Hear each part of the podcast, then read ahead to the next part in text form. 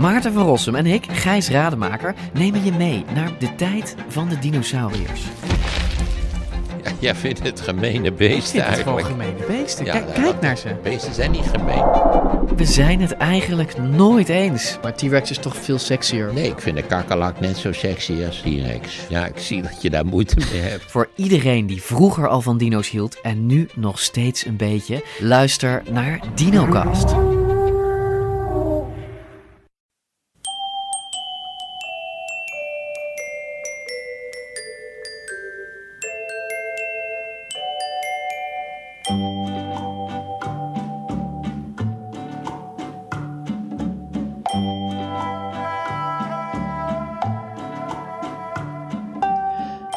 Bij aflevering 50 van de Echt Gebeurd podcast. Waar echt gebeurde verhalen worden verteld door de mensen die het zelf hebben meegemaakt. In deze podcast leest Koene Klumper voor uit zijn puberdagboek.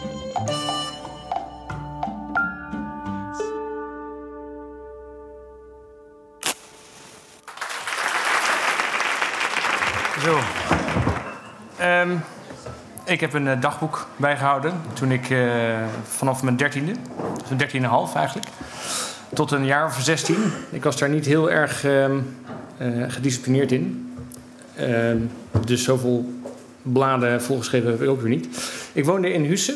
Dat ligt voor de mensen die nooit buiten de ring uit 10 komt, bij Arnhem.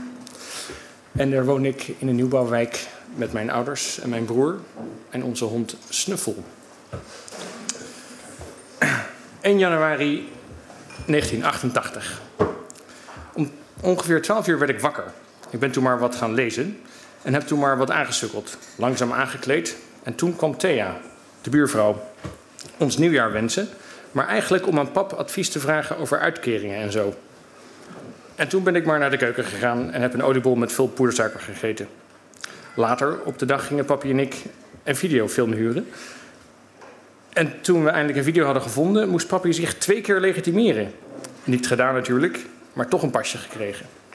Thuis had mams champagne met zalm klaarstaan. De film was geen ene kloot aan, overigens. Na de film had ik honger en mama vroeg of ik een frietje voor mij wilde halen. Later wou zij er ook wel een.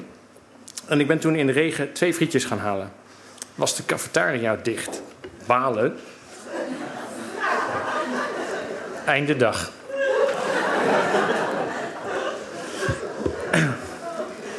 ...2 januari, zaterdag. Om 10 uur opgestaan. Precies. Iedereen was al opgestaan. Ik heb wat Frans geleerd. Maar toen belde Jeroen op en vroeg of ik bij hem kon komen. Ik zei ja. Met tegenwind naar Jeroen gefietst. En toen hebben we wat huiswerk doorgenomen. Wat geroddeld over leraren, et cetera. Dat begon ons te vervelen. We zijn toen maar achter de computer gaan zitten. Een of ander zenuwspel gespeeld. En toen strippoker gespeeld. Op de computer. En toen hadden we haar op haar ondergoed uitgekleed. En toen hebben we de computer uitgezet. Omdat we mee gingen helpen met brandhout sjouwen. En toen heb ik een van Gent en Loos Parker Pen relatiegeschenk gekregen. 24 januari 1988. Dat is, dat is die dag daar. Ik heb gedroomd over Nathalie. Ze kuste me. Het was zo heerlijk. Ik hou zoveel van haar. Ongelooflijk. Ik denk vaak aan haar. eh, ik, ik denk vaak aan het eerste schoolfeest. Ze, danste bijna de hele tijd met mij. En vroeg me ten dans. Het laatste liedje was iets van André Hazes. Een schuifelliedje. Maar toen ik haar daar op dat nummer ten dans vroeg, werd ze net opgehaald. Ik balen, misschien zij ook. Hopen. En later op de klasseavond bij Marjella heb ik, met het eerst, met het eerst voor haar, sorry, heb ik voor het eerst met haar geschuifeld. Jippie, zwijmel. En helemaal onderaan zien jullie misschien, en niet iedereen kan dat zien, maar die, die, dat deel van de, van de zaal kan het wel zien. Eh, ik heb gezien dat ze ook de schoenen slijt op de original Klumper manier. Zo dus. En voor de mensen daar, daar, is een klein tekeningetje van.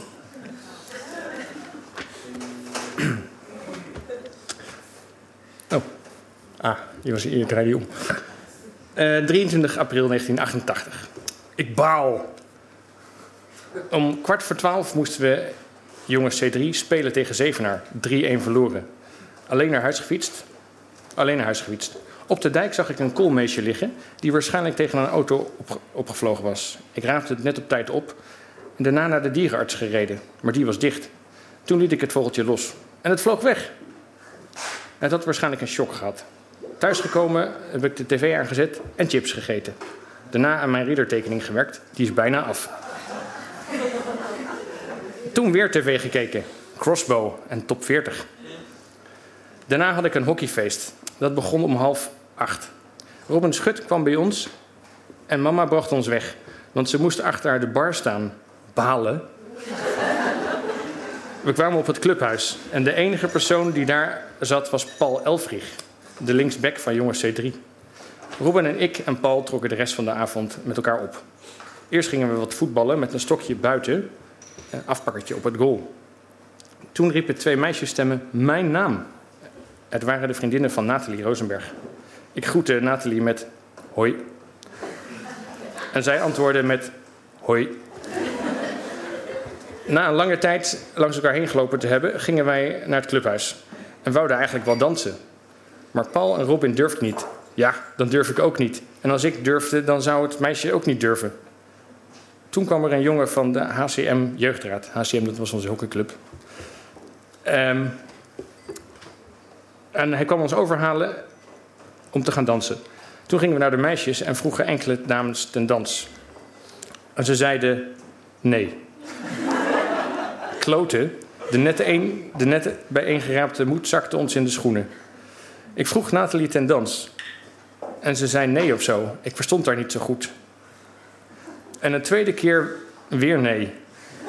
Ja, toen ben ik maar met Iris gaan dansen. Maar toen het liedje afgelopen was, ging ik naar Nathalie, die het vorige liedje op de bank zat. En ik vroeg haar ten dans. Antwoord: ja. Jippie.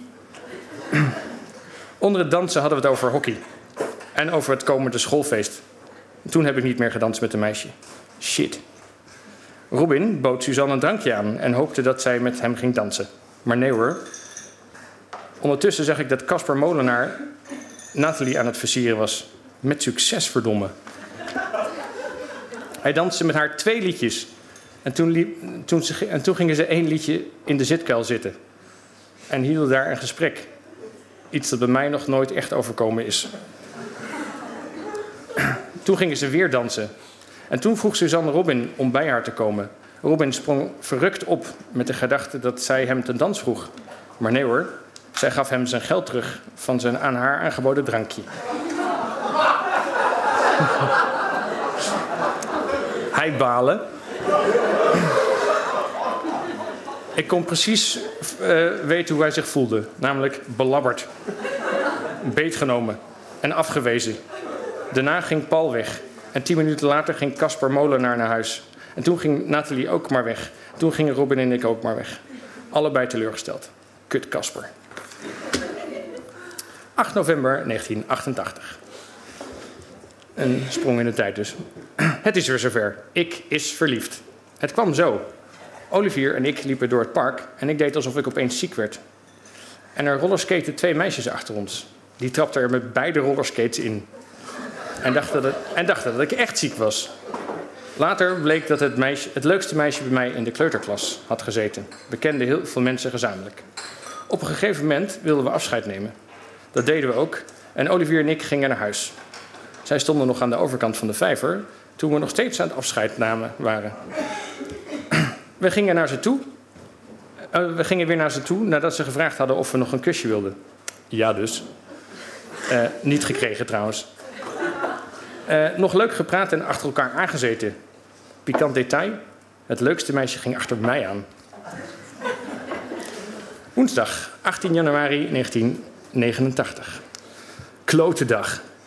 Totdat Jeroen en ik meegingen met Tessa en Chantal. En nog twee jongens, waarvan er één trakteerde op gevulde koek. Toen zijn Jeroen en ik maar achter Tessa en Chantal aangefietst. En hebben over veel dingen gepraat. Onder andere vakantie, huisdieren. Ik die Nivea kocht bij de drogist. School en Willem. Toen later had Chantal Jansen Jansen opgehaald, haar hond. Een zeer lief beest die veel van snuffel weg had. Later kwam Chantals moeder aanrijden en bood ons een kopje thee aan. Wij naar binnen, gepraat, thee gedronken, flodder gekeken, etc. Chantal is een erg lief meisje, type kakker, is dus leuk. Nog, met haar vader, nog met haar vader gesproken, etc. Kortom, een leuke dag. Papa en mama weten hier niets van. Ik weet niet hoe ik ze dit moet vertellen.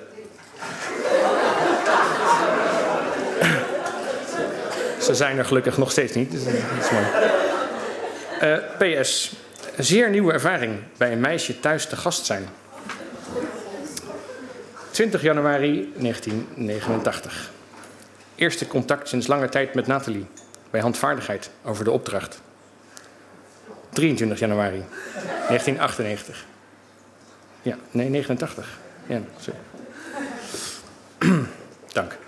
Uh, in het kort, informatica zouden we krijgen, tweede uur. Dat hebben we toch niet gekregen, dus een uur te vroeg. Uh, wij, Jeroen, Nathalie, Tessa, Petra, Liesje, Suzanne en ik zijn toen naar corrector Linzen gegaan.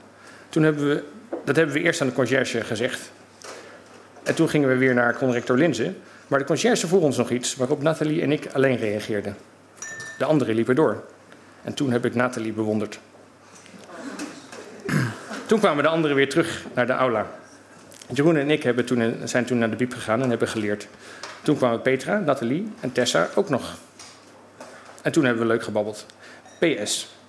Ik ga me voornemen dat ik Nathalie ga helpen met handenarbeid. PS, PS. En ik probeer meer met Chantal om te gaan.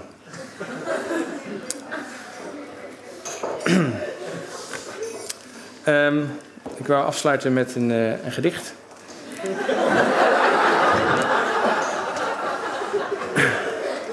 uh, en dat, gaat over Anouk. En Anouk is. Uh, dat was, daar was ik altijd verliefd op op de basisschool. En die, uh, ja, was altijd, was altijd een beetje strijd tussen uh, ene Danny en tussen mij. Uh, en ik, ik heb haar later ooit, ben ik er ooit nog een keer tegengekomen bij, uh, op, ja, in een groot festival bij Hussen, ergens in de buurt. En toen kon ik haar nog vragen van wie vond je eigenlijk altijd leuker? En dat was gelukkig ook ik. Dus dat standaard. Maar anyways, het gedicht. Ik weet niet wat me toen bezielde, maar goed. Anouk. Ik denk nog vaak aan je, met je donkere haar en bruine ogen. Soms zo vrolijk, vaak zo verlegen, maar altijd lief. Dan weer Danny, dan weer mij. Ik was zo verliefd op je. Je moeder ging dood. Je vader vond na een lange tijd een vrouw met drie kinderen. Ze trouwden, ze verhuisde samen met je, eh, en je verhuisde samen met je vader, nieuwe moeder en broers en zussen naar Oosterbeek, Julianaweg 73. Ik denk nog vaak aan je.